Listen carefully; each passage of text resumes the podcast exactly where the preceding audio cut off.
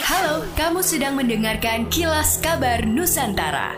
Podcast persembahan KG Radio Network menyajikan berita harian yang mengangkat keunikan dari berbagai wilayah Indonesia.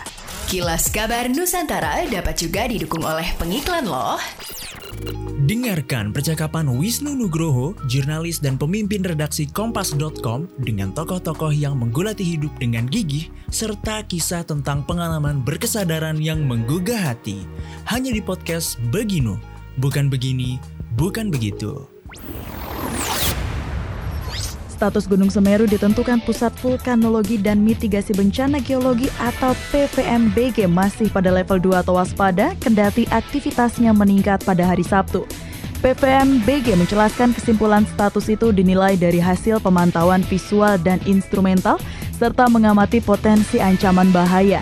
Menurut Koordinator Kelompok Mitigasi Gunung Api Badan Geologi PVMBG, Kristianto, dari pengamatan visual menunjukkan kemunculan guguran dan awan panas guguran.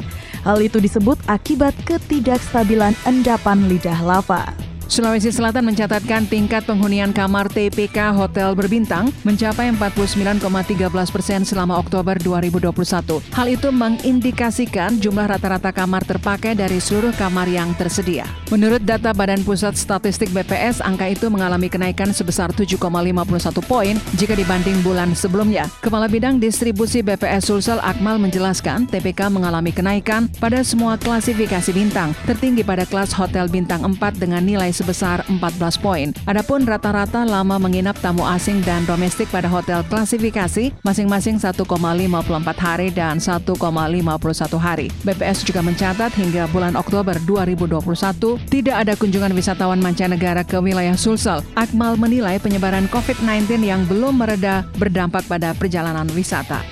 Sebanyak 45 orang mengalami luka bakar karena erupsi Gunung Semeru menurut data yang dipaparkan Kementerian Kesehatan pada Sabtu malam. Mayoritas korban diperkirakan tertimbun material erupsi yang melanda empat wilayah RT di satu RW. Menteri Kesehatan Republik Indonesia Budi Gunadi Sadikin menjelaskan, berdasarkan laporan yang dia terima, rata-rata korban menderita luka bakar tingkat 2A hingga B Enam orang mengalami luka bakar 50% dan empat orang dirawat di ICU. Demikianlah kilas kabar Nusantara pagi ini.